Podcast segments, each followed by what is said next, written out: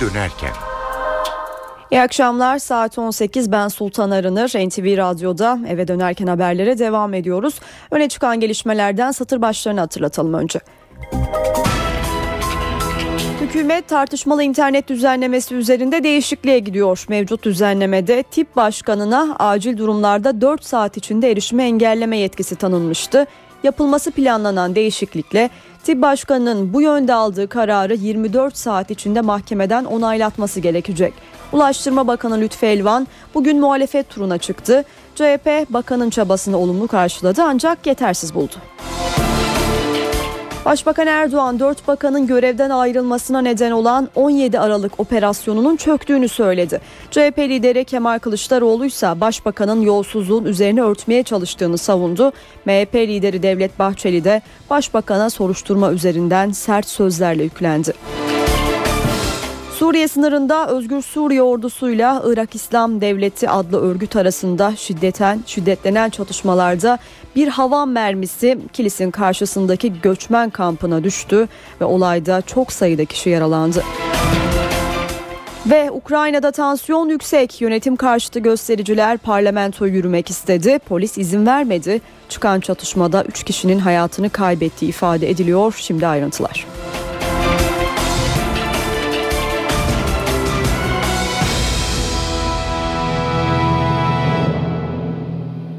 Başkente hareketli bir gün yaşanıyor. Tartışmalı internet ve HSYK düzenlemeleriyle ilgili yeni gelişmeler var. Ulaştırma Bakanı Lütfü Elvan internet düzenlemesinde değişikliğe gidebileceklerinin sinyalini verdi. Muhalefet ise bakanın çabalarını olumlu ancak yetersiz buldu. CHP HSYK düzenlemesini de Anayasa Mahkemesi'ne taşıyor. Ayrıntıları parlamento günlüğünde NTV muhabiri Miray Aktağ aktaracak. Miray. Başkent'in gündemindeki öncelikli başlıklar HSYK düzenlemesi ve internetle ilgili yapılan değişiklikler. Bu iki düzenlemede Cumhurbaşkanlığına gönderildi. Bu düzenlemelerle ilgili Cumhurbaşkanı Abdullah Gül'ün tavrının ne olacağı merak edilirken elimize ulaşan son bilgiyle başlayalım. Cumhuriyet Halk Partisi Hakimler ve Savcılar Yüksek Kurulu'nun yapısını değiştiren düzenlemeyi yarın yüksek mahkemeye götürüyor. Aslında bununla ilgili bugün bir karışıklık vardı. CHP'den önce yarın götürüleceği şeklinde açıklama geldi. Sonrasında bugün 17-15'te götürüleceği şeklinde başka bir açıklama geldi ama son yapılan açıklama e, düzenlemenin yarın yüksek mahkemeye götürüleceği şeklinde. Bunun gerekçesi olarak da Meclis Başkan Vekili Ayşenur Bahçekapılı'nın milletvekillerinin imzalarını tasdik etmediği gerekçesiyle bugün bu başvurunun yapılamadığı kaydedildi. Cumhuriyet Halk Partisi tarafından gelen açıklamada.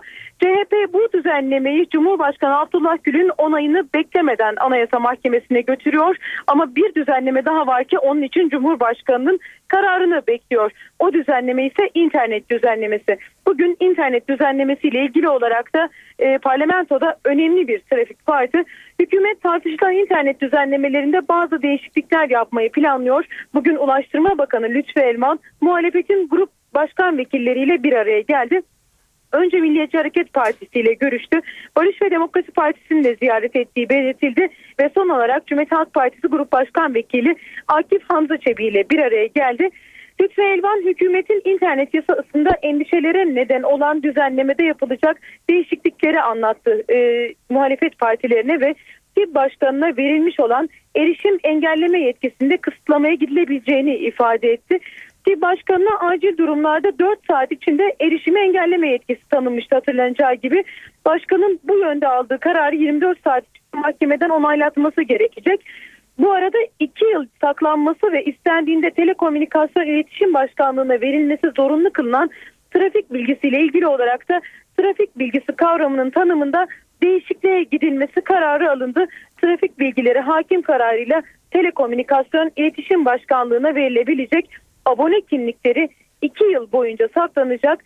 Ulaştırma Bakanı Lütfi Elvan'la görüşen Cumhuriyet Halk Partisi'nden Akif Hamza Çebi bakanın çabası yeterli değil ancak önemli dedi. Bu e, çabayı e, ana muhalefet pek de yeterli görmüyor.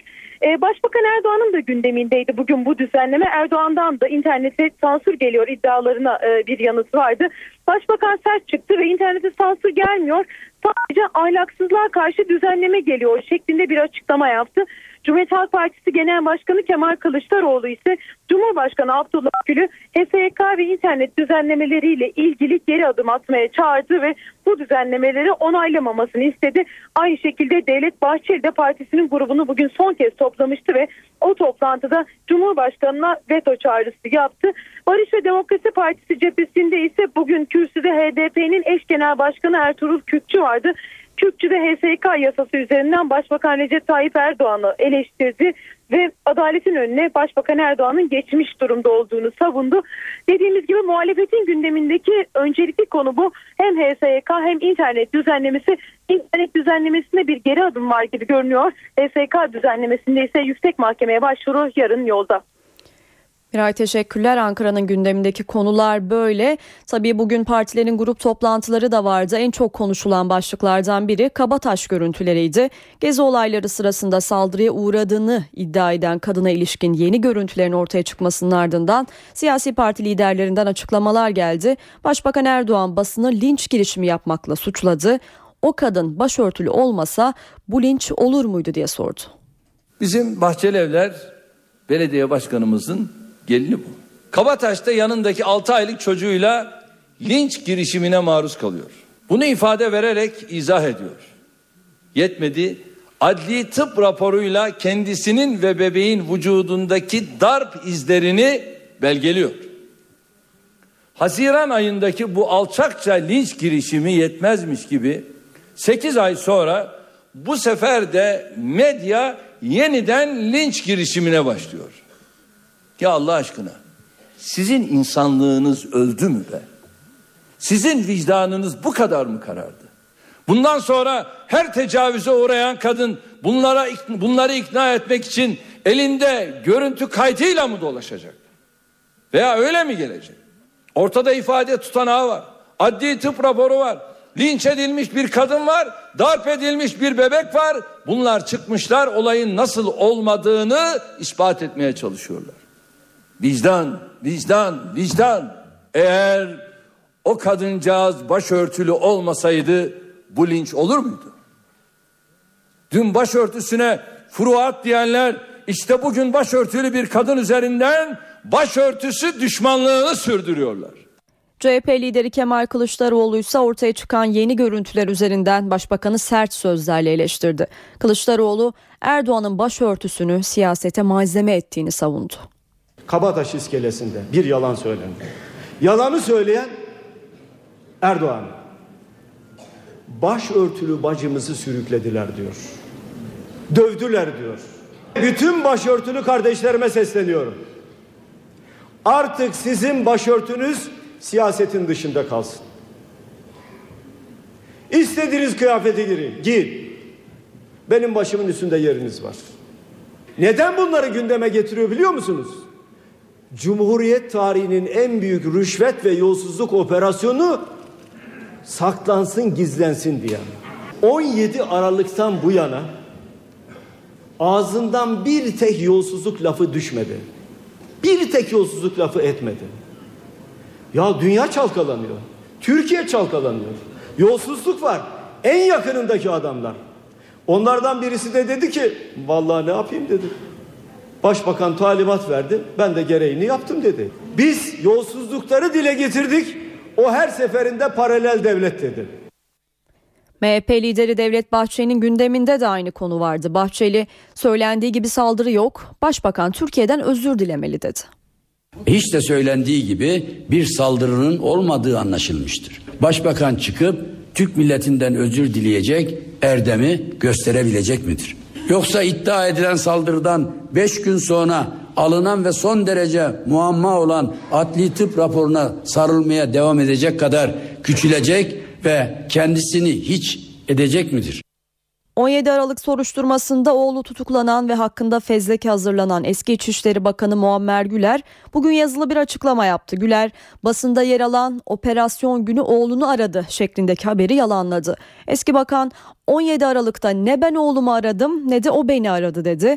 Bakanlığın özel kalemi tarafından kullanılan telefondan oğlunun avukatının arandığını söyledi ve bu telefon nasıl dinlendi diye sordu.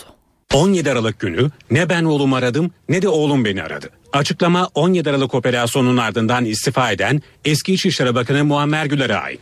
Güler 17 Aralık sabahı oğluyla kendi telefonundan görüşmediğini söyledi. Hukuksuz bir şekilde dinlendiğini iddia etti. Aynı gün İçişleri Bakanlığı adına kayıtlı özel kalem ve danışmanlık tarafından kullanılan telefondan arama yapılan evde hazır bulunan oğlumun müdafisi aranmıştır. Yetkililerin izniyle ve bu telefonlardan oğlumla görüştüm. Bu telefonlar nasıl dinlendi? Hukuka aykırı dinleme yapıldığını söyleyen Güler, kamuoyuna yansıyan ses kaydına ekleme ve çıkarma yapıldığını savundu. 17 Aralık'ta ben bakan olarak kullandığım resmi telefondan İstanbul Cumhuriyet Başsavcısı Sayın Turan Çolak Kadı'yı kendi kullandığı cep telefonundan aradım. Başsavcıdan sadece soruşturmanın konusunu sordum. Bu konuşmada internete düştü. Kim hangi yetkiyle veya kararla bir bakanı ve İstanbul Cumhuriyet Başsavcısını dinleyebiliyor ve servis edebiliyor? Bu illegal dinlemedir. Haberleşme özgürlüğünün ihlalidir ve de suçtur. Güler operasyon sonrası hakkında hazırlanan fezlekenin de yetkisizce ve kanunsuz dinlemelerle oluşturulan bir dosya olduğunu söyledi. Güler'in bu açıklamaları CHP lideri Kemal Kılıçdaroğlu'na da soruldu. Kılıçdaroğlu mahkeme kararıyla yapılan dinlemeleri fezlekeden aldım. Muammer Güler de ben konuşmadım demiyor, ben aramadım diyor ifadesinde kullandı. Bunu da aktaralım geçelim bir başka habere. İstanbul Cumhuriyet Başsavcı Vekilliğince yürütülen yolsuzluk soruşturması kapsamında iş adamı Nihat Özdemir ifade verdi. Sabah saatlerinde İstanbul Adalet Sarayı'na avukatlarıyla gelen Özdemir burada soruşturma yürüten savcıların sorularını yanıtladı. Özdemir daha sonra da adliyeden ayrıldı. Savcılar şu ana kadar aralarında Bilal Erdoğan'ın da bulunduğu 31 kişinin ifadesini aldı. 25 Aralık soruşturmasını başlatan savcı Muammer Akkaş'ın verdiği listedeki bazı isimler polis tarafından gözaltına alınmamıştı. Bunun üzerine basına açıklama yapan savcı Akkaş HSK tarafı tarafından Tekirdağ gönderilmişti. 17 Aralık operasyonunda tutuklanan iş adamı Rıza Sarraf tetkik amacıyla hastaneye götürüldü. Sarraf tutuklandığı gün ifadesinde kanser olduğunu söylemişti. Metris cezaevinde tutulan Sarraf bugün böbrek üstü bezlerinde bulunan kitlenin tetkikleri için Şişli Etfal Hastanesi'ne kaldırıldı ancak burada gerekli tetkikler yapılamayınca Metris cezaevine geri götürüldü. Sarraf'ın avukatı Şeyda Yıldırım müvekkilinin gerekli tetkiklerin yapılması için bir üniversite hastanesine sevkini isteyeceklerini belirtti. 30 Mart yerel seçimleriyle ilgili takvim işliyor. Siyasi partilere kesinleştirilmiş aday listelerini Yüksek Seçim Kurulu'na sunmaları için verilen sürede az önce doldu. Kurula sunulan listede sürpriz olup olmadığını şimdi öğrenelim. Telefon attığımızda NTV muhabiri Gökhan Gerçek var. Gökhan seni dinliyoruz. Evet siyasi partiler açısından seçimlerde kimi aday gösterecekleri oldukça önemli, oldukça titiz bir çalışmayla adım adım bugüne getirdiler ve listeleri hazırladılar. Tam 1419 belediye, 1419 aday 25 siyasi parti tarafından belirlendi ve e, o takvim doğrultusunda YSK'nın belirlediği takvim doğrultusunda o aday listeleri bugün il ve ilçe seçim kurullarına e, verildi, emanet edildi. E, 2 Mart'a kadar itiraz süresi var. 21'inde başlıyor itirazlar, aday listelerine karşı itirazlar. 2 Mart'ta da Yüksek Seçim Kurulu tarafından seçimlerde mücadele edecek, yarışacak o adaylar açıklanacak. E, aylardır süren bir çalışma olduğunu söyledik. Yerel seçimlerde kimi siyasi partiler mevcut belediye başkanlarıyla devam kararı aldı. Kimi siyasi partiler ise yepyeni isimlerle e, seçmenin karşısına çıkacak 30 Mart seçimlerinde. Kim daha çok oy, oy alır, rakibine karşı kim üstünlük sağlar e, bu kriterler değerlendirildi ve ona göre titiz bir çalışmayla bu isimler belirlendi. E, şimdi beklemek gerekiyor. İtirazlar 21'inde başlıyor. Ayın ikisine de Yüksek Seçim Kurulu 30 Mart seçimlerine mücadele edecek 25 partinin 1419 adayının kesin listesini açıklayacak Sultan. Eve dönerken haberlere devam ediyoruz. Sırada ekonomi günlüğü var. Merkez Bankası Para Politikası Kurulu bugün faiz oranlarını görüşmek üzere toplandı. Kurul beklentiler doğrultusunda faiz oranlarında değişikliğe gitmedi. Toplantı sonrasında da bir açıklama yapıldı. Neler söylendi? Hemen NTV İstihbarat Şefi Ahmet Ergen'den öğrenelim. Ahmet. Merkez Bankası Para Politikası Kurulu Şubat ayı olağan toplantısını yaptı bugün. Toplantı öncesinde beklenti faiz oranlarında herhangi bir değişiklik yapılmayacağı yönündeydi. Oranların kurul tarafından sabit tutulması bekleniyordu piyasa unsurları arasında. Para politikası kurulu beklentiler doğrultusunda bir karar aldı ve faiz oranlarının sabit tutulmasına karar verdi. E, kurulun özet rapor e, diyebileceğimiz e, açıklamasında yer alan noktaları da açık aktaracağız. Ancak ondan önce faiz oranları hangi seviyede kaldı bunu tekrar hatırlatmak açısından verelim. E, gecelik faiz oranları öncelikle marjinal fonlama oranı %12 olarak sabit tutuldu. Açık piyasa işlemleri çerçevesinde piyasa yapıcısı bankalara repo işlemleri yoluyla tanınan borçlanma imkanı faiz oranı %11,5. Merkez Bankası'nın borçlanma faiz oranı ise %8 olarak sabit tutuldu. Bir hafta vadeli repo ihale faiz oranı ise %10 olarak korundu. Bu oranlar e, para politikası kurulunun 28 Ocak'ta yaptığı ara toplantıda kendi tabirleriyle ara toplantıda e, yani olağanüstü toplantıda belirlenmiş oranlardı. Bunu da hatırlatalım. Para politikası kurulu piyasalara ekonomik gidişata ilişkin e, ne tür tespitlerde bulundu ve özet raporunda hangi ifadelere yer verdi? Bunları da aktaralım. E, kurul son dönemde enflasyon görünümü ve beklentilerde bir bozulma gerçekleştiğini vurguladı ve bu bozulmanın dikkatle takip edildiğini ifade etti. Yılbaşında yapılan vergi ayarlamaları, döviz kuru hareketlerinin etkileri ve gıda fiyatlarındaki olumsuz seyre bağlı olarak enflasyon göstergelerinin bir süre daha %5 hedefinin üstünde seyredeceğini tahmin etti para politikası kurulu. Bu daha önce de gündeme getirilen bir değerlendirmeydi. Bu ayki e, kurul toplantı raporuna da bu ifade e, yerleşmiş durumda. 28 Ocak tarihinde alınan e, parasal sıkılaştırma kararlarının enflasyon görünümünde belirgin bir iyileşme sağlanana kadar devam edeceği ifadesine de kurul yer verdi ve sıkı para politikası duruşunun alınan makro ihtiyati önlemlerin ve zayıf seyreden sermaye akımlarının etkisiyle kredi büyüme hızları kademeli bir yavaşlama eğilimine girmiştir tespitine yer verildi. Bu yılın ilk çeyreğine dair açıklanan ilk verilerin özel kesim yurt içi nihai talebinin ivme kaybedebileceğini gösterdiğini de para politikası kurulu özellikle belirtti ve bununla birlikte yurt dışı talepteki toparlanmanın da etkisiyle net ihracatın büyümeye yaptığı olumlu katmanın e, katkının artması beklenmektedir denildi.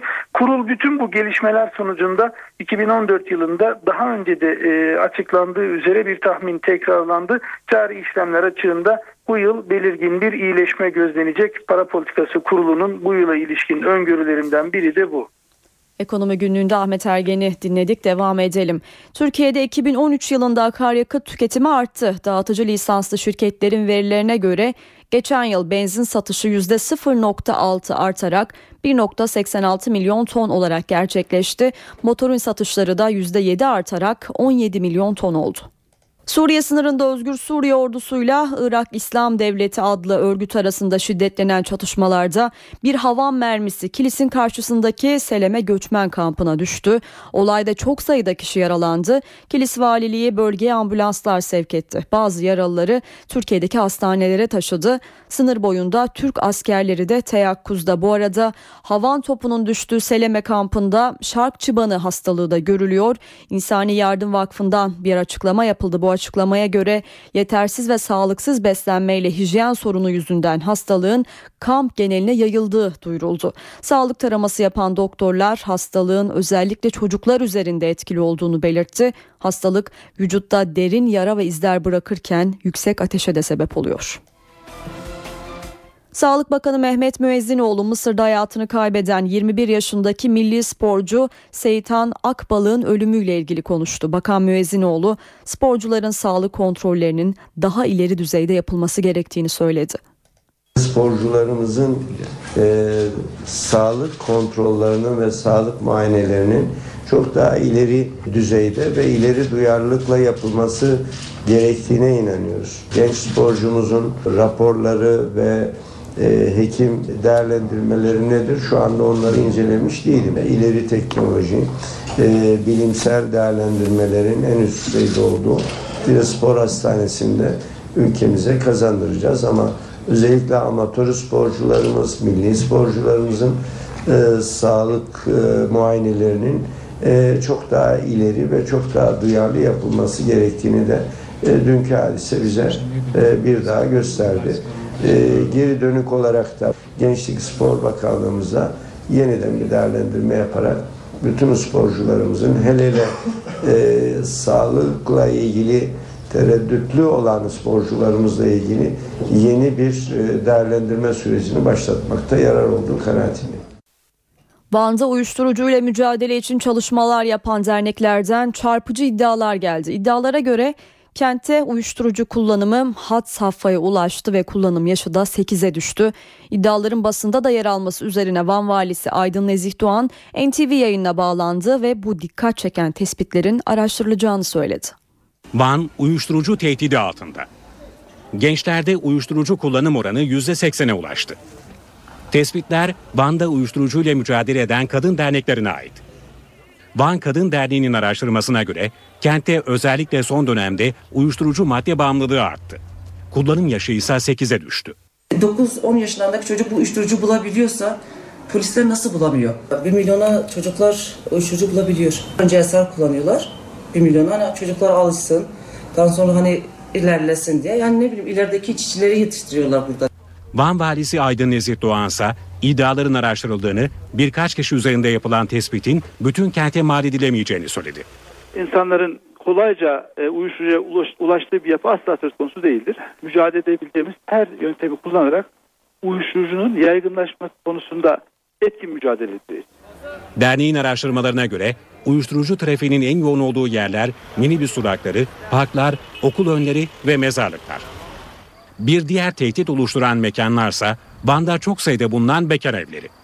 Bazı köylerde eroin imalathaneleri olduğu da iddialar arasında.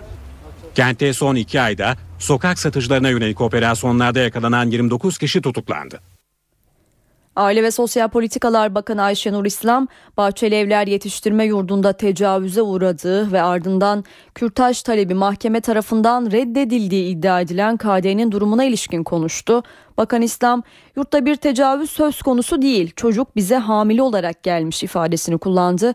İslam, mahkeme süreci devam ederken çocuğun rahatsızlandığını ve doğal yollarla bebeğin düştüğünü de ifade etti. İslam, Çocuk ailesiyle birlikte bize müracaat etti. Müracaat edildiğinde çocuk tecavüze uğramış ve hamileydi. Biz onu korumaya aldık diye konuştu.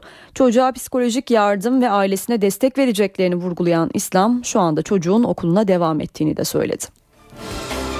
Muğla'da solunum sıkıntısı yaşayan 2 yaşındaki bir bebeğin zatürre olduğu anlaşıldı. Ekipler seferber oldu. Bebek ambulans helikopterle Uşak'a sevk edilerek yoğun bakıma alındı. Ambulans helikopter ve ekibi zatürreye yakalandığı belirlenen bebek için seferber oldu. Muğla'nın Marmaris ilçesinde Yıldız çiftinin 2 yaşındaki kızları Nisa Nur solunum sıkıntısı nedeniyle hastaneye kaldırıldı. Doğuştan gelişme geriliği bulunan bebeğin zatürre geçirdiği tespit edildi. Hemen tam donanımlı bir hastaneye götürülmesi gerekiyordu. Ambulans helikopterle Uşak'a sevk edildi. Bebeğin tedavisi yoğun bakımda sürüyor. Hayvan öldürene hapis cezası kapıda. Hükümet hayvanlara işkence ve tecavüze hapis cezası öngören bir yasa tasarısı hazırladı. Bu tasarıya göre işkence sonucu hayvan öldürenlere 2 yıl, hayvanlara cinsel istismarda bulunanlara ise 1 yıl hapis cezası verilecek. İşkence sonucu hayvan öldürenlere 2 yıl, hayvanlara cinsel istismarda bulunanlara ise 1 yıl hapis cezası verilecek. Eskişehir'de bir üniversite öğrencisinin kedisini işkence sonucu öldürmesine verilen 300 liralık ceza tartışmaları da beraberinde getirdi. Hayvanlara kötü muamelenin önüne geçmek için harekete geçen hükümet, hayvanları koruma kanununu meclis gündemine taşıdı.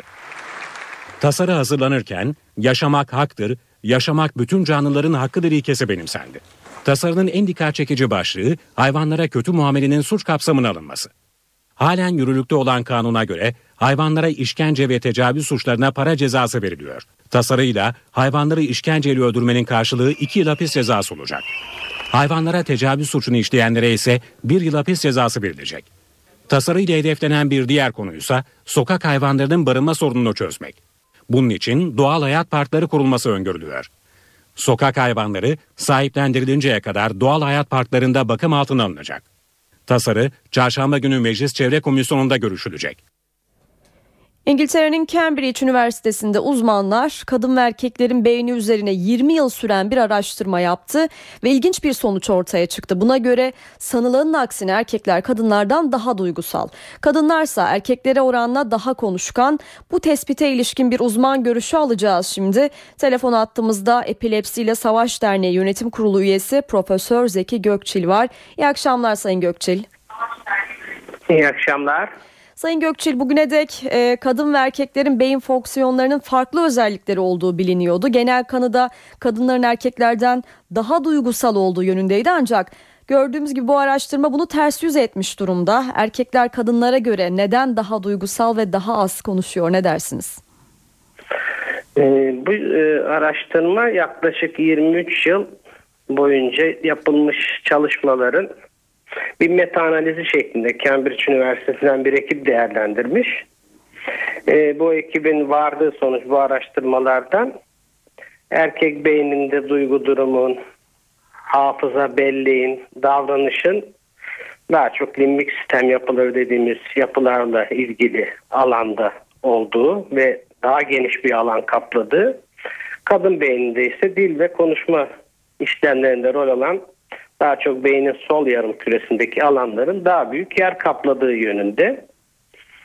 Ee, yine erkek beyninde beyin yarım küre, kürenin içindeki iletişimin daha fazla olduğu, kadınlarda ise daha çok uzun yolların, uzun sinir bağlantılarının iki beyin yarım küresi arasındaki bağlantıların daha yoğun olduğu sonucuna varmışlar.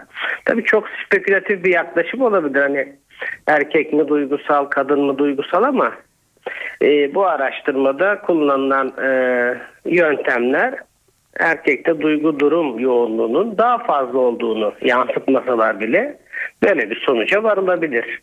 Evet. Sayın Gökçül peki kadın... Yani bilimsel olarak yapılan araştırmanın sonucu bu şekilde e, sonuçlanmış. Evet. Peki kadın ve erkek beyni arasında fonksiyonel olarak başka ne gibi farklılıklar var?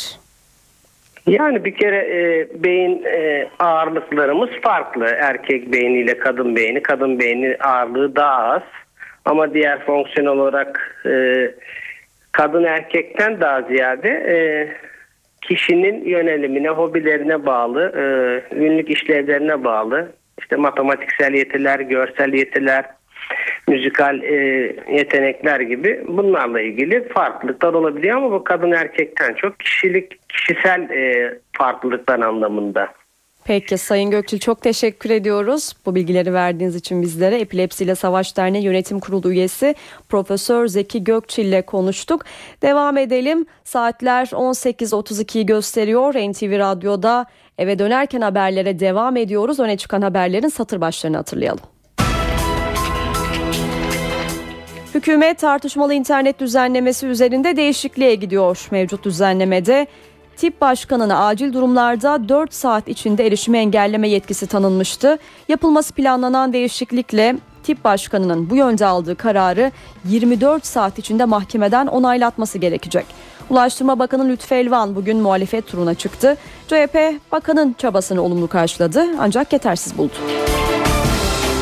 Cumhuriyet Halk Partisi Hakimler Savcılar Yüksek Kurulu düzenlemesini Anayasa Mahkemesi'ne taşıyor. Yüksek Mahkemeye başvuru yarın yapılacak. Başbakan Erdoğan 4 bakanın görevden ayrılmasına neden olan 17 Aralık operasyonunun çöktüğünü söyledi. CHP lideri Kemal Kılıçdaroğlu ise Başbakanın yolsuzluğun üzerini örtmeye çalıştığını savundu. MHP lideri Devlet Bahçeli de Başbakan'a soruşturma üzerinden sert sözlerle yüklendi. 17 Aralık soruşturması kapsamında oğlu tutuklanan ve hakkında fezleke hazırlanan eski İçişleri Bakanı Muammer Güler yazılı bir açıklama yaptı. Güler, operasyonun gerçekleştiği gün oğlunu aramadığını söyledi. Eski bakan hukuk, hukuksuz bir şekilde dinlendiğini de iddia etti. Hükümet hayvanlara işkence ve tecavüze hapis cezası öngören bir yasa tasarısı hazırladı. Bu tasarıya göre İşkence sonucu hayvan öldürenlere 2 yıl, hayvanlara cinsel istismarda bulunanlara ise 1 yıl hapis cezası verecek diyelim. Evet başlıklar böyle. Saat 18.38 eve dönerken haberlere devam ediyoruz. Şimdi dünyadan gelişmelere bakalım.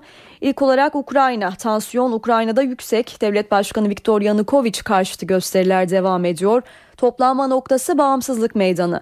Barikat kuran göstericiler ateş yaktı. Protestocular ülkede var olan siyasi krizi tartışan parlamentoyu yürümek istedi ancak polis engeliyle karşılaştılar. Göstericilerle polis arasında yer yer çatışmalar da yaşandı ve bu çatışmalar sonucu 3 göstericinin hayatını kaybettiği belirtiliyor. Bu arada Berlin'de Almanya Başbakanı ile görüşen muhalefet ise ülkelerindeki siyasi krizin çözümü için Merkel'den daha güçlü bir rol oynamasını istedi. Tayland'da da sokaklar karışık. Polis Kasım ayından bu yana sokakları terk etmeyen hükümet karşıtlarını dağıtmak için harekete geçti. 15 bin polis başkent Bangkok'ta operasyon düzenledi. Biri polis 3 kişi öldü 60'tan fazla da yaralı var. Tayland'da tansiyon bir kez daha yüksek. Polis haftalardır başkent Bangkok'taki hükümet binalarını kuşatan göstericileri dağıtmak için harekete geçti. Sokaklar karıştı. Muhaliflerin toplandığı 5 ayrı nokta hedef alındı. Güvenlik güçleri göz yaşartıcı gaz ve plastik mermi kullandı. Bangkok savaş alanına döndü. Başbakanlık binası önünde çıkan çatışmada ölen ve yaralananlar oldu. 15 bin polisin katıldığı operasyonun tüm bölgelerde kontrol sağlanana kadar devam edeceği belirtiliyor. Çatışmalar sürerken Tayland Başbakanı Yingluck Shinawatra hakkında yolsuzluk davası açıldı. Shinawatra, hükümetin pirinç alım programında usulsüzlükle suçlanıyor. Bangkok'ta muhalifler Kasım ayından bu yana Başbakan Shinawatra'nın istifası için gösteri düzenliyor. Ay başında yapılan erken seçimleri tanımayan protestocular Shinawatra iktidardan inene kadar gösterilerin devam edeceğini belirtiyor. Mısır'da sular durulmuyor. Ülkede son dönemde gerçekleşen saldırıların arkasında olan Ensar Beytel Makdis örgütü turistlere Mısır'ı terk etmeleri için 20 Şubat'a kadar süre verdi. Örgüt bu tarihten sonra Mısır'da kalan turistlerin hedef alınacağı tehdidinde de bulundu. Muhammed Mursi'nin askeri darbeyle devrilmesinin ardından ülkede düzenlenen saldırıları Ensar Beytel Makdis örgütü üstlenmişti. Örgütün son olarak hafta sonu Sina'daki intihar saldırısında ikisi Güney Koreli 4 kişi 4 turist yaşamını yitirmişti.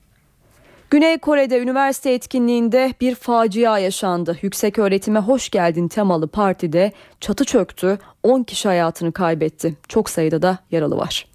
Güney Kore'nin Kyongju kentinde düzenlenen Üniversiteye Hoş Geldin Partisi faciaya dönüştü. Etkinliğin yapıldığı otelin çatısı biriken karın ağırlığını kaldıramayarak çöktü.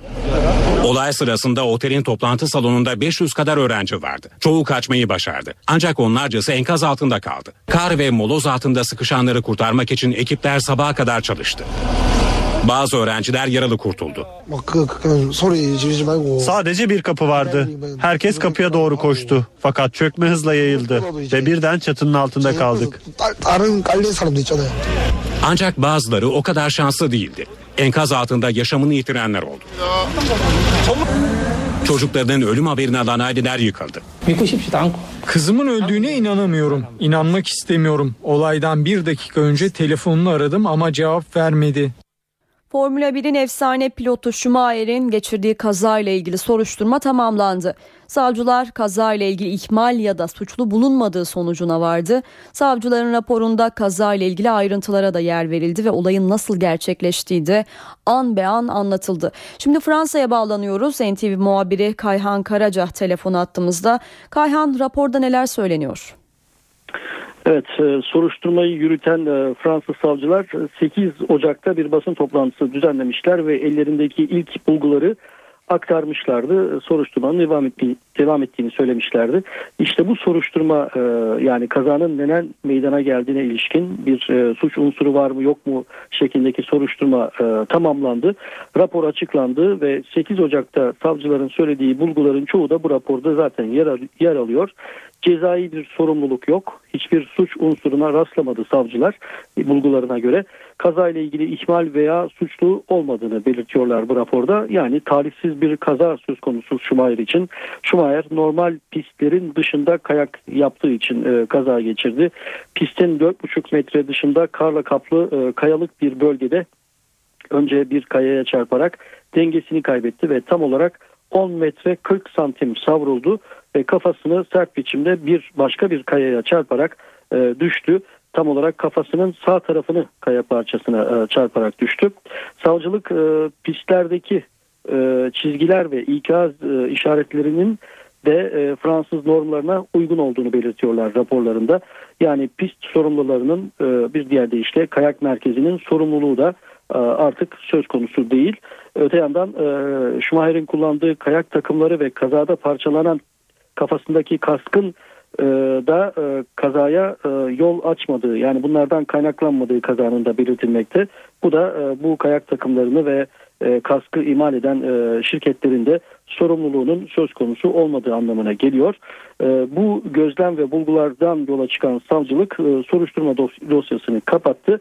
Ancak e, Fransa'daki e, uzmanlar, e, hukukçular e, Schumacher'in ailesinin e, ileride kayak merkezinin bulunduğu kente karşı veya bu kayak merkezine karşı daha doğrusu e, idari mahkemeler önünde davacı olma hakkının bulunduğunu söylüyorlar. Öte yandan e, sigorta poliçesine göre ki e, Schumacher'in sigorta poliçesinin neler içerdiği henüz bilinmiyor. E, sigorta şirketleriyle de e, Fransız mahkemeleri önünde çetrefilli bir hukuk mücadelesi e, yaşanabileceği belirtilmekte önümüzdeki e, aylarda veya e, daha sonra. E, ancak bunların bunlar için çok erken Schumacher, e, Schumacher ailesinin e, cephesinden e, henüz e, dün açıklanan savcılık raporu ile ilgili bir e, açıklama gelmiş değil. Sağlık durumu üzerinde yoğunlaşıyor aile tahmin edilebileceği gibi. Sağlık durumu ile ilgili olarak da spekülasyonlar durmadan devam ediyor. Son resmi bilgiler, veriler, haberler sabit durumda olduğu yani komadan uyandırılma e, yapay komadan uyandırılma aşamasında şu anda e, Schumacher kendisine verilen e, kazadan bu yana verilen sedatif oranı yavaş yavaş azaltılıyor. E, ancak son haberler şu ana kadar e, bu uyandırılma aşamasında olumlu sonuç alınmadığını göstermekte Sultan. Kayhan Karaca teşekkürler verdiğin bilgiler için. Ve milyonların ilgiyle oynadığı bir oyun Angry Birds film oluyor. Dünyaca ünlü bilgisayar ve cep telefonu oyunu Angry Birds film olarak beyaz perdeye gelmeye hazırlanıyor.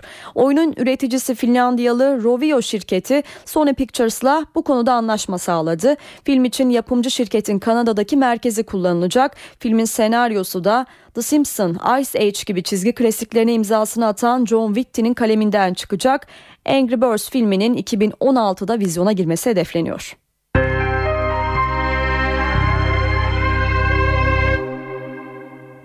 Arama motoru Google, Hababam sınıfı ve daha pek çok önemli filmin yönetmenliğini yapan Ertem Eğilmez'i unutmadı ve 85. doğum gününe özel bir doodle hazırladı. Google'ın Türkiye sayfasında yer alan Doodle'da Ertem Eğilmez'in yönetmenliğini yaptığı Hababam sınıfına ait figür yer alıyor. Figürün üzerine tıklanınca arama motoru Ertem Eğilmez'le ilgili sayfaları görüntülüyor. Yönetmen Ertem Eğilmez 85 yıl önce bugün yani 18 Şubat'ta Trabzon'da dünyaya gelmişti. Aralarında Hababam sınıfı ve Süt Kardeşler'in de yer aldığı çok sayıda filmi yöneten Eğilmez 1989 yılında yaşamını yitirmişti. NTV Radyo'da eve dönerken haberlerde şimdi kültür sanat diyelim. Günün etkinliklerinden bir derlemeyi sunuyoruz sizlere. Cemal Reşit Rey konser salonuna 5 Grammy ödülü ve toplamda 100 milyon albüm satışına sahip efsanevi şarkıcı Dionne Warwick konuk oluyor bu akşam. Ünlü sanatçı hayranlarıyla saat 20'de buluşuyor. İstanbul'un tüm seslerini bir sahneye toplayan grup İstanbul Akustik Fusion sahne Beşiktaş'ta olacak bu akşam. Etkinlik saat 20.30'da başlıyor. Serkan Okanar ve arkadaşları Maskla Music Club'da dinlenebilir bu akşam. Performans başlama saati 22. Müzikal mükemmelliyetçiliği, dinleyici ve eleştirmenlerden her zaman tam not alan Gutenberg Oda Orkestrası Hale Brownish iş sanatta ağırlanıyor bu akşam. Etkinlik saat 20'de başlıyor. Tiyatro severler için de bazı önerilerimiz olacak. Hayal Perdesi Beyoğlu sahnesinde iyi insanlar görülebilir. Margibaş, ucuz eşya satan bir dükkandaki kasiyerlik işini kaybediyor, yeni bir iş aramaya başlıyor. Lisedeki sevgilisi Mike'ın şehre geri döndüğünü, muayenehane açtığını duyunca ondan iş istemeye karar veriyor. Yıllar sonra gerçekleşen buluşma ateşli ve zihin açıcı bir tartışmayla son buluyor. Orkun Yeşim'in yönettiği oyunda Emre Erturan, Aslıhan Azeri, Ergin Karabatan, Aybeniz Uçan, Zeynep Yardımcı ve Orkun Yeşim gibi isimler rol alıyor. Güney bastığını bir kadının hayata tutunma çabasını anlatan oyun perdelerini saat 20'de açıyor. İstanbul Devlet Tiyatroları Üsküdar Stüdyo sahnede Hamlet sahneleniyor bu akşam. Işıl Kasapoğlu'nun yönettiği oyunda Bülent Emin Yara rol alıyor. Oyunun içinde ustaca oyun yöneten, sergileyen, yaşayan, soytarıyla soytarı, saraylıyla saraylı, en akıllı kadar akıllı olabilecek kadar oyunculukla yoğrulmuş, öte yandan da bir oyuncunun nasıl olup da kılık, kimlik ve varlık değiştirdiğini kendi kendine soran kişi Hamlet. Hamlet'in bu üslubu gibi kişiliği de sürekli değişim halindedir ve bu kez de sahnedeki tek başınalığıyla olayların hem içinde hem de dışında olayları hem yaşayan hem anlatan kişi olarak çıkar karşımıza. Shakespeare'in en çok oynanan oyunlarının başında gelen Hamlet perdelerini saat 20'de açıyor. Akşam evdeyseniz CNBC'de saat 21'de The Carrie Diaries izlenebilir. Öncesinde ise saat 20'de sevilen dizi Mam ekrana gelecek. Star TV'de ise saat 20'de Yeteneksizsiniz Türkiye ekranda olacak. Saat 19 ben Sultan Arınır NTV Radyo'da eve dönerken haberlere devam ediyoruz. Öne çıkan gelişmelerden satır başlarını hatırlayalım. Hükümet tartışmalı internet düzenlemesi üzerinde değişikliğe gidiyor. Mevcut düzenlemede tip başkanına acil durumlarda 4 saat içinde erişimi engelleme yetkisi tanınmıştı. Yapılması planlanan değişiklikle tip başkanının bu yönde aldığı kararı 24 saat içinde mahkemeden onaylatması gerekecek. Ulaştırma Bakanı Lütfü Elvan bugün muhalefet turuna çıktı. CHP bakanın çabasını olumlu karşıladı ancak yetersiz buldu. Başbakan Erdoğan 4 bakanın görevden ayrılmasına neden olan 17 Aralık operasyonunun çöktüğünü söyledi. CHP lideri Kemal Kılıçdaroğlu ise başbakanın yolsuzluğun üzerine örtmeye çalıştığını savundu. MHP lideri Devlet Bahçeli de başbakana soruşturma üzerinden sert sözlerle yüklendi. Suriye sınırında Özgür Suriye ordusuyla Irak İslam Devleti adlı örgüt arasında şiddetlenen çatışmalarda bir havan mermisi Kilis'in karşısındaki göçmen kampına düştü ve olayda çok sayıda kişi yaralandı. Ukrayna'da tansiyon yüksek. Yönetim karşıtı göstericiler parlamentoyu yürümek istedi. Polis izin vermedi ve çıkan çatışmada 3 kişinin hayatını kaybettiği ifade ediliyor. Şimdi ayrıntılar.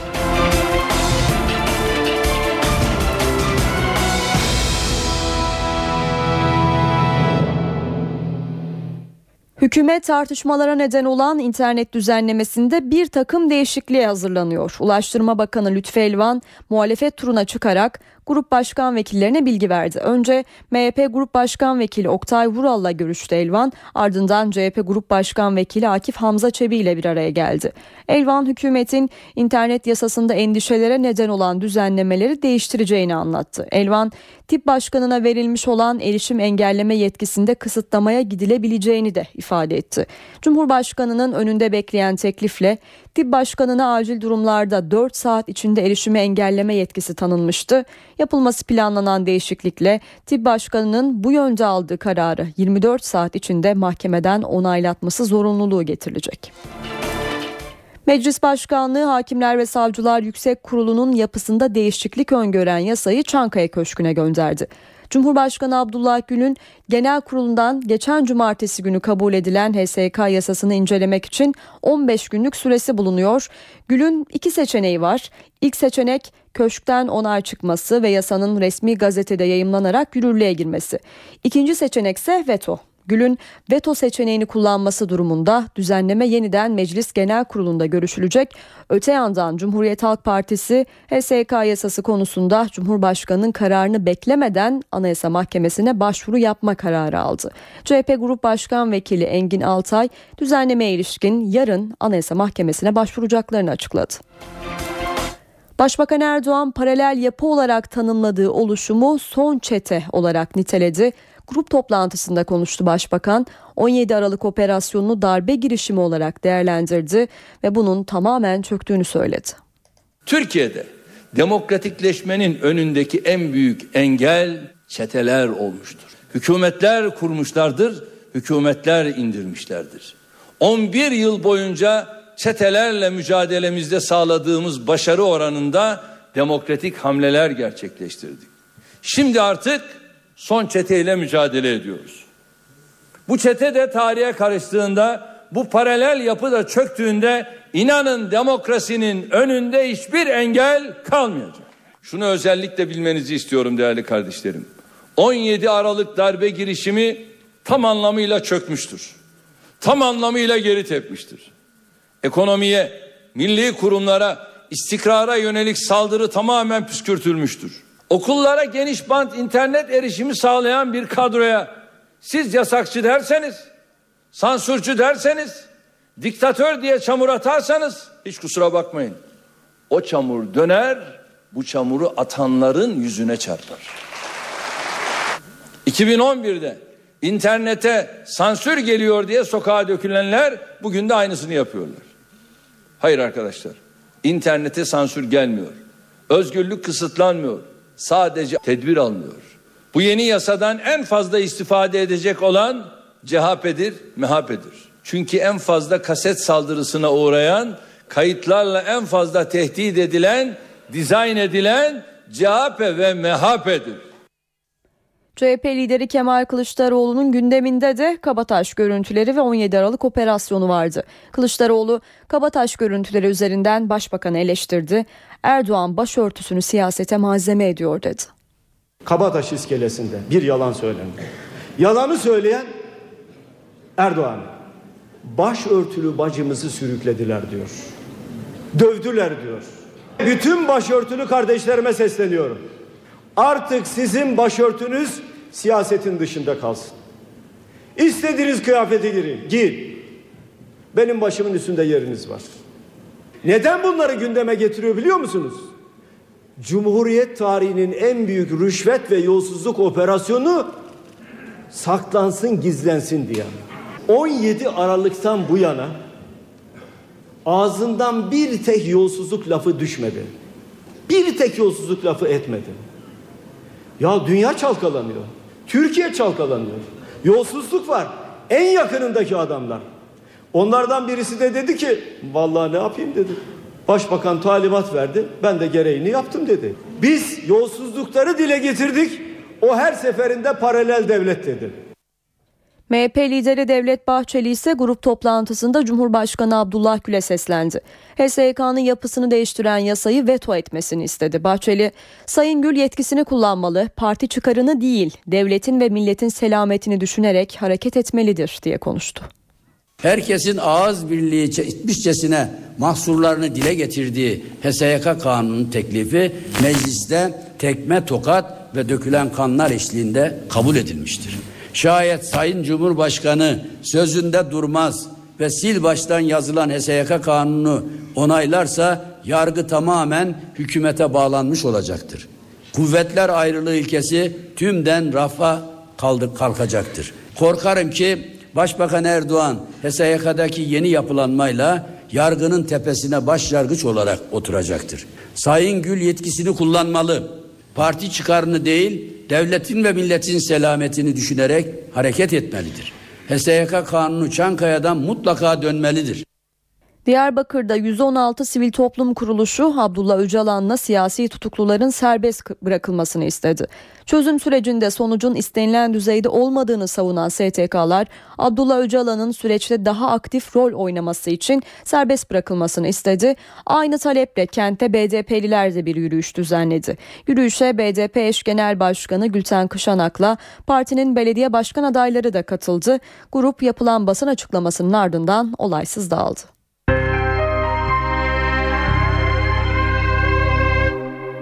Suriye sınırında Özgür Suriye ordusuyla Irak İslam Devleti adlı örgüt arasında şiddetlenen çatışmalarda bir havan mermisi Kilis'in karşısındaki Seleme göçmen kampına düştü. Olayda çok sayıda kişi yaralandı. Kilis valiliği bölge ambulanslara bölgeye ambulanslar sevk etti. Bazı yaralıları da Türkiye'deki hastanelere taşıdı.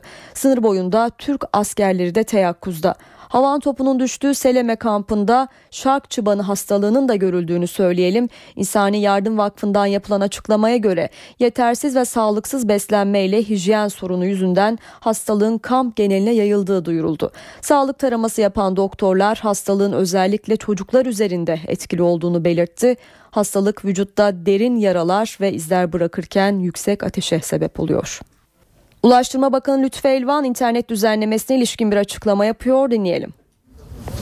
Ve e, trafik bilgisiyle ilgili tanımı bir anlamda daralttık.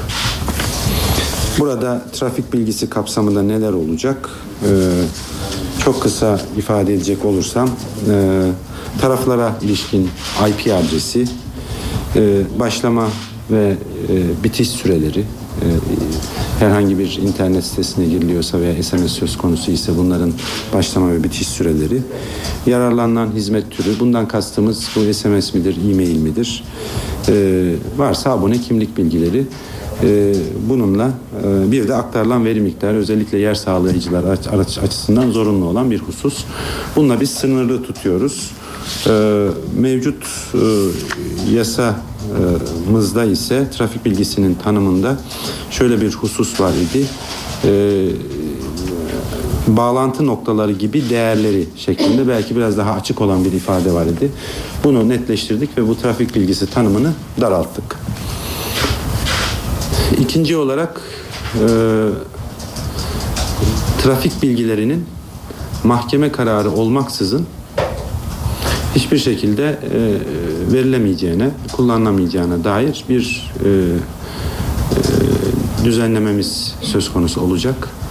Trafik bilgileri e, eğer e, herhangi bir şekilde e, kullanılmak isteniyorsa mutlaka bir mahkeme kararı e, şartı aranacak.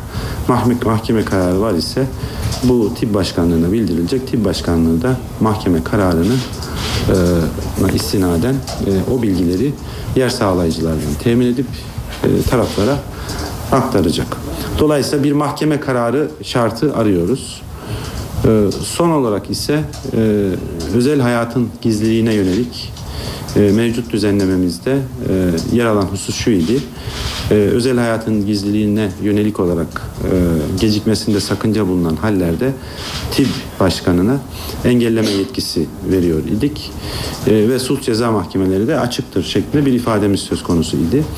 Şimdi bu yeni yapacağımız düzenleme ile e, e, yine e, TİB başkanı e, başkanlığı herhangi bir e, özel hayatın gizliliğinin e, söz konusu olduğu anda ve gecikmesinde sakınca bulunan hallerde e, yine bu engellemeyi yapacak ama 24 anayasamızda da öngörülen o özellikle 22. maddede öngörülen bir husus e, 24 saat içerisinde e, sulh ceza mahkemesine başvuracak almış olduğu bu karara yönelik olarak ve e, mahkeme kararına göre e, il başkanlığı e, gereken uygulamayı gerçekleştirecek. Eğer mahkeme e, engellemenin kaldırılmasını e, hükmediyorsa engelleme kaldırılacak. Eğer mahkeme engelleme devam etsin diyorsa engelleme devam edecek.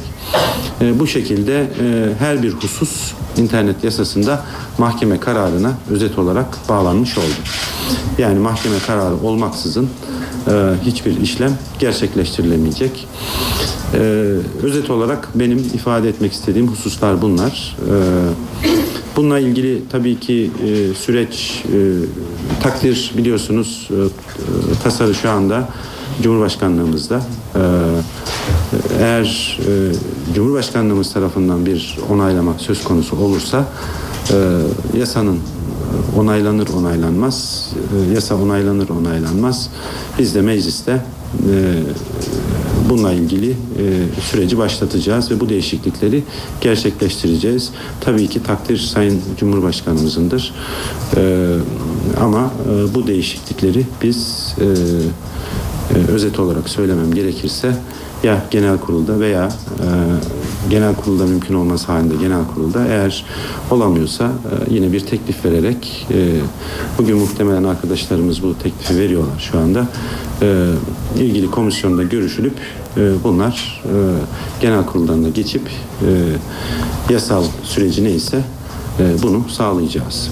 Benim özet olarak ifade etmek istediğim hususlar bunlar. Teşekkür ediyorum. Ee, Efendim isminize soru sormak istiyorum. Efendim e, köşke giden 6518 sayılı torba tasarı 14 Şubat'ta köşke gitti. Yani daha 4 gün önce. Bu tasarı komisyondayken de bu eleştiriler yapıldı. Özellikle yargı kararı olmaksızın tip başkanının engelleme yetkisinin çok geniş bir yetki olduğu eleştirisi yapıldı. Neden şimdi hükümet olarak böyle bir değişikliğe ihtiyaç duydunuz ve şunu da sormak isterim. Sayın Cumhurbaşkanı'ndan bu konuda tam olarak hangi mesajlar geldi? Evet, e, onu ifade ettim. Bu iki hususla ilgili e, trafik bilgileri ve e, özel hayatın gizliliğine yönelik e, olan hususlar. Ancak şunu ifade edeyim. Dünyanın hangi gelişmiş ülkesine giderseniz gidin sevgili arkadaşlar. Bugün e, mahkeme kararı olmaksızın birçok engellemeler var. Hangi gelişmiş ülkesine giderseniz gidin. Bunların hepsi var. Bakın bizim e, bu yasa tasarısında o kadar güzel düzenlemeler var ki, o kadar güzel hususlar var ki gerçek anlamda insanların ihtiyaçlarına, vatandaşlarımızın ihtiyaçlarına cevap verebilecek nitelikte olan hususlar var. Kişilik haklarının korunması, özel hayatın gizliliğinin korunması tamamıyla bu tasarı ile sağlanıyor. Bunu özellikle vurgulamak isterim. Bakın bugün Bugün öyle ülkeler var ki işte bir kara liste açıklanıyor. O kara liste erişim sağlayıcılarına gönderiliyor ve erişim sağlayıcıları otomatik olarak bir mahkeme kararı olmaksızın engelleniyor. Bu tür ülkeler var arkadaşlar. Hatta şunu da ifade edebilirim. Google'da arama motoru. Bugün e, bazı ülkelerde 100 bin hatta 100 binin üzerinde kelime ve kavram Google'da aranamıyor. Çünkü engelleniyor bunlar. Engellendiği zaman da işte bu kelime ve kavramın aranması engellenmiştir şeklinde bir ifade kullanılmıyor. Bu kelime veya kavram bulunamamıştır şeklinde ifade kullanılıyor. Dolayısıyla e, bu yapılmış olan düzenleme e, gerçekten birçok ülkede olan düzenlemeler e, ve e, e, fiili olarak uygulanabilecek nitelikte olan bir düzenleme. Geçmiş düzenlemenin uygulanamaz halini ben sizlere defalarca aktardım, anlattım. Ve bunun sıkıntılarını da anlattım. Ve burada bir mağduriyet söz konusuydu. Kişilik haklarının e, engellenmesi, kişilik haklarının bizatihi gasp altına alınması söz konusuydu. Ve bunları ortadan kaldırıyoruz. Ve e, bakın trafik bilgileri neden saklanıyor? Defalarca söyledim.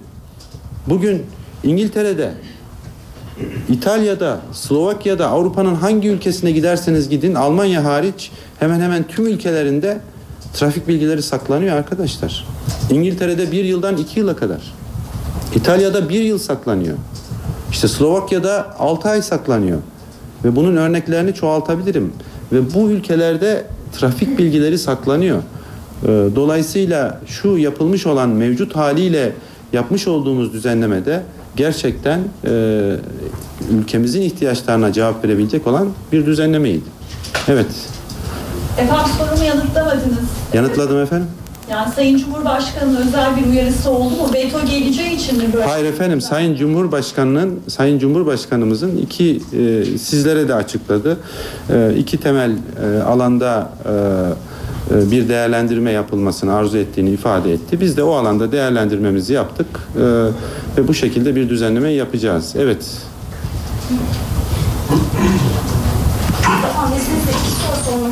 Birincisi, eee, daha önce sıkça konuşulmuştu bu özel hayatın gizliliğini ihlal ilgili. Daha çok şöyle eleştiriler vardı. İl başkanı buna nasıl karar verecek? Buradaki sakıncalı olan duruma nasıl karar verecek? Hangi durumlarda olacak? Bu eleştirileri daha önce de size yöneltmiştik ama muhalefet de çok sık dile getiriyor. Bu konuyla ilgili olarak daha açıklayıcı ifadeler de koymayı düşünüyor musunuz? Şimdi Hangi durumlar, Şimdi şimdi efendim özel hayatın gizliliği konusu hem Avrupa İnsan Hakları Evrensel, Evrensel Beyannamesi'nde hem de diğer birçok Türk Ceza Kanunumuzda e, birçok düzenlemelerde neler olduğu çok açık olarak bellidir.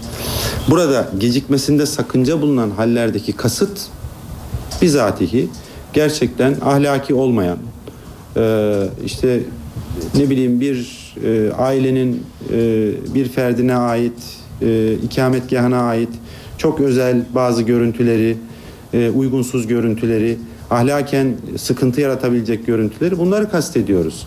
Bunu da defalarca yine bunu aktardım sizlere. Ha diğer taraftan kişilik haklarının ihlali konusunu da ben size e, aktardım ve bu konuda da açıklık getirdim. Bu da nedir? E, iftiradır, hakarettir, e, ne bileyim işte kaba sözdür. Bu tür hususlarda kişilik haklarının ihlaline yönelik olan hususlar. Dolayısıyla e, burada yapılacak olan e, bu yeni düzenlemeyle yine e, gecikmesinde e, sakınca bulunan hallerde düşünün. E, yani her birinizin başına gelebilir bu hadise. E, ve bunun dünyada birçok örnekleri var. E, bunları sizler de inceleyebilirsiniz. Öyle ki e, yani bir e, işte evli olan veya nişanlı olan bir çiftin e, özel bir görüntülerinin yayınlanması bile e, o kişinin intihara teşebbüs etmesine neden olabiliyor. Ve bu mağduriyeti nasıl gidereceksiniz siz? Bir saatin bile önemi var burada. Neticede bu iş geçici olarak bir durdurulma hadisesi. Ee, geçici olarak e, bu durduruluyor ve mahkemeye başvuru yapılıyor. Mahkeme kararı neyse o uygulanacaktır. Evet buyurun. İkinci bir sorum vardı efendim. Onu soracağım. Buyurun. E, süreçle ilgili siz de söylediniz ama e, öncelikle Cumhurbaşkanı'nın mevcut e, şu an köşkte olan yasayı onaylamasını mı bekleyeceksiniz? E, çünkü bugün AFAD'la ilgili düzenleme eklemeler Şimdi şimdi şöyle eğer e, Sayın Cumhurbaşkanımızın onaylaması halinde biz bu hafta e, bu düzenlemeleri yapacağız. Evet. Efendim, e, peki özellikle iftira, hakaret, kaba söz gibi e, tanımlamalarda e, hani e, tipin biraz kafası karışır mı diye sormak istedim ama Bakın arkadaşlar. Bakın arkadaşlar şunu ifade edeyim. Bakın dünyanın bana söyler misiniz bununla ilgili bakın biz mahkeme kararına bağlıyoruz. Bana söyler misiniz Avrupa'nın hangi ülkesinde buna yönelik bir mahkeme kararı e, uygulaması var? Söyler misiniz bana? Nasıl oluyor onu da anlatayım size Avrupa ülkelerinde. Diyelim ki herhangi birinize bir hakaret söz konusu oldu. Siz e, doğrudan e, internet servis sağlayıcısına başvuruda bulunuyorsunuz. O servis sağlayıcısı anında o hakareti engelliyor. Anında engelliyor. Bu sistem var. Herhangi bir mahkeme kararı da yok. Ha mahkeme kararı eğer kaldırmazsa tabii çok ağır yaptırımlarla karşı karşıya kalıyor internet servis sağlayıcıları. Dolayısıyla herhangi bir hakaret, iftira söz konusu olduğu zaman bunlar otomatik olarak internet servis sağlayıcıları tarafından bildirilmesi halinde kaldırılıyor. Bakın Türkiye'ye bakın arkadaşlar. Yani kimse kalkıp şunu söylemiyor. Ya burada yasa dışı dinlemeler var. Yasa dışı görüntüler var. Bunlar ekrana geliyor ve bunlar kullanılıyor. Ya kalkıp da ya bunlar yasa dışıdır, illegaldir. Bunların kullanılması söz konusu olamaz denmiyor. Ya bunların söylenmesi gerekiyor. Hangi ülkede söyler misiniz bana? Hangi ülkede, dünyanın hangi gelişmiş ülkesinde yasa dışı bir video kasetinin internet ortamında dolaşacağına inanıyorsunuz? Var mı böyle bir şey? Yok. Ama biz buna rağmen, buna rağmen bakın tüm hususları mahkeme kararına bağlıyoruz. Evet Hacer. Ee, yasanın onaylanmaması durumunda izleyeceğiniz bir yol haritası var mıdır? Bir de Sayın Cumhurbaşkanı'na bilgi verdiniz mi bu son değişiklikler hakkında? Şimdi şunu ifade edeyim, e, e, şunu ifade edeyim. E, e, tabii takdir Sayın Cumhurbaşkanı'nın. E, ama onaylamaması halinde de e, yani biz e, bu tür bir düzenlemeyi e, yapmayı düşünüyoruz. Böyle bir düzenlemeyi yapmanın yararlı olduğuna inanıyoruz. Evet son soruyu alacağım ve bitireceğim. Cumhurbaşkanı'na bilgi verdiniz? Hayır, hayır. Buyurunuz. Şey soracağım. Ee, Amerikan merkezi Freedom House, İngiltere merkezi Amnesty International geçen hafta Türkiye'deki bu internet yasasını özel hayata teşebbüs olarak, e, özel hayata müdahale olarak değerlendirdi. Bu konu hakkında ne düşünüyorsunuz? Şimdi şunu ifade edeyim. Ee, peki İngiltere üzerinden gidelim. İngiltere'de biliyorsunuz Internet Watch Foundation var. Yani internet e, işte İzleme. izleme vakfı var. Bu vakıf bir kara liste belirliyor. Black liste diye. Ve bu listeyi internet servis sağlayıcılarına gönderiyor. Ve mahkeme kararı olmaksızın bunlar engelleniyor. Bu bir. İki, yine siz bir şahıs olarak bu vakfa başvurabiliyorsunuz. Diyorsunuz ki bana yönelik bir hakaret, e, bana yönelik e, yasa dışı gizli çekilmiş bir kaset video var. Lütfen bunun engellenmesini sağlayınız diyorsunuz. Ve yine bu internet servis sağlayıcılarına gönderiliyor ve engelleniyor. Bunda da mahkeme kararı yok. Bu İngiltere'de oluyor. Yine İngiltere'de İngiltere'de 100 bin kelime ve kavram aldığım bilgiye göre söylüyorum. Ee, Google'da aranması yasak. Bunların hepsi engelleme arkadaşlar. Hepsi engelleme. Yani lütfen bunları görelim. Ve ben şunu da iddia ediyorum. Ve engelleme sayıları itibariyle e, birçok gelişmiş ülkedeki engellenen internet sitesinin Türkiye'deki engellenen internet sitesinden de daha fazla olduğuna inanıyorum. Onu da ifade edeyim. Evet son bir soru alacağım ve bitireceğiz. Evet buyurun. E, önceden özel hayatın izlediği noktasında vatandaş erişim sağlayıcı birliğine başvurduktan sonra tip kaldırıyordu. Sonra vatandaş mahkeme kararı alacaktı. Şimdi tip alıyor bu mahkeme kararını. Vatandaş çıkıyor mu? Hayır şöyle e, şöyle kişilik haklarına yönelik olarak kişilik haklarına yönelik olarak tip hiçbir şekilde devrede değil. Vatandaş mahkemeye başvuruyor. Mahkemenin kararı Erişim Sağlayıcıları Birliği'ne gönderiyor. Erişim Sağlayıcıları Birliği de mahkemenin kararını uyguluyor. Kişilik hakları. Özel hayatın gizliliğine yönelik ise yine bu kez e, o şahıs e, TİB'e başvuruyor. TİP bunu Erişim Sağlayıcıları Birliği'ne gönderiyor ve 4 saat içinde Erişim Sağlayıcıları Birliği geçici olarak bunu engelliyor ve mahkemeye mahkeme de mahkemeye başvuruyor aynı anda. Mahkemede 24 saat içerisinde bununla ilgili kararını veriyor. Ancak özel hayatın gizliliğinde gecikmesinde sakınca bulunan hallerde ise belki bir 5-10 dakikanın bile önem arz ettiği bir durumda ise yine geçici olarak e, bu yapacağımız yeni düzenlemeye göre söylüyorum. E, tip başkanlığı e, erişimi engelliyor. Mahkemeye başvuruyor. Mahkemenin kararı neyse onu tip başkanlığı uyguluyor. E, pardon eğer mahkeme erişim e, tip başkanlığının e, erişimin engellemesinin devamı yönünde karar verirse erişimin engellenmesine devam edecek. Ama erişimin engellenmesi kaldırılsın şeklinde bir karar verirse erişimin engellenmesi kaldırılacak. Ben çok teşekkür ediyorum arkadaşlar. Çok tartışılan internet düzenlemesiyle ilgili Ulaştırma Bakanı Lütfü Elvan bir açıklama yaptı. Bu açıklamada düzenleme üzerinde yapılması planlanan değişikliklerle ilgili 3 değişikliğin söz konusu olduğunu söyleyelim. Kısaca toparlamak gerekirse bunlardan ilki trafik tanımı ile ilgili. Bakan Elvan trafik tanımını daraltacağız dedi. İkinci değişiklik trafik bilgilerinin kullanımı ile ilgili. Buna göre de trafik bilgileri mahkeme kararı olmadan kullanılamayacak ve son değişiklik ise özel hayatın gizliliği ile ilgili. Buna göre mevcut düzenlemedeki tip başkanına verilen erişim engelleme yetkisi sürecek ancak tip başkanının 24 saat içindeki mahkeme kararı alması gerekecek. Yani mahkeme kararı olmadan hiçbir işlem yapılamayacak diyelim. Eve dönerken haberleri noktalayacağız ama önce yol durumuna bakalım. Köprülerdeki son durumu hemen verelim sizlere. Anadolu'ya geçişlerde Boğaziçi Köprüsü'nde akıcı bir trafik var ancak Avrupa'ya geçişlerde yoğun bir trafik söz konusu. Fatih Sultan Mehmet Köprüsü'nde ise Anadolu'ya geçişlerde trafik durma noktasında Avrupa'ya geçişlerde ise yoğun akıcı bir trafik var.